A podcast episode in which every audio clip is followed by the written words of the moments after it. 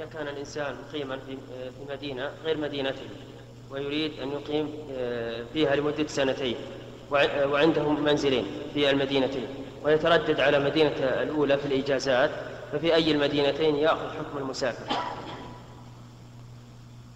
هل هو في المدينة الثانية ينوي الإقامة المطلقة ولا إقامة محددة؟ أعتقد أنه محدد. إذا كان محددة فهو مسافر.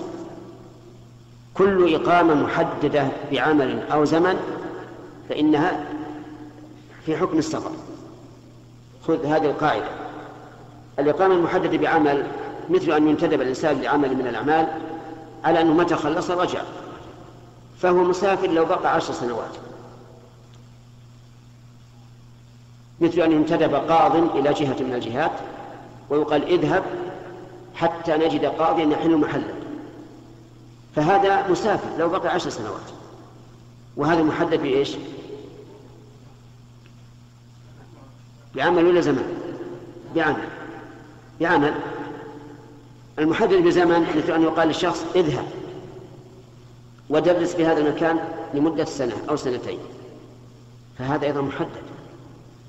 فلا فرق بين التحديد بعمل أو التحديد بزمن. كل من منهما لا يريد الإقامة المطلقة ولا يريد الاستيطان. فهو مسافر.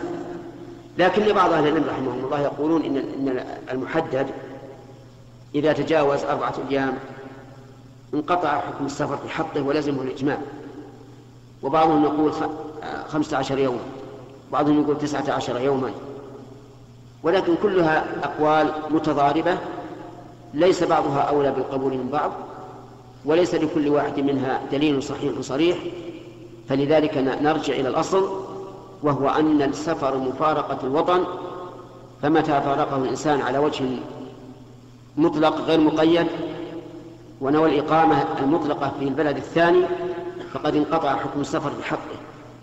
ومتى كان مقيدا بزمن أو عمل فهو مسافر. وهذا هو الذي اختاره شيخ الإسلام ابن تيمية رحمه الله في الفتاوي وبسطه بسطا تاما في باب صلاة الجمعة من مجموع الفتاوي الذي جمعه ابن القاسم.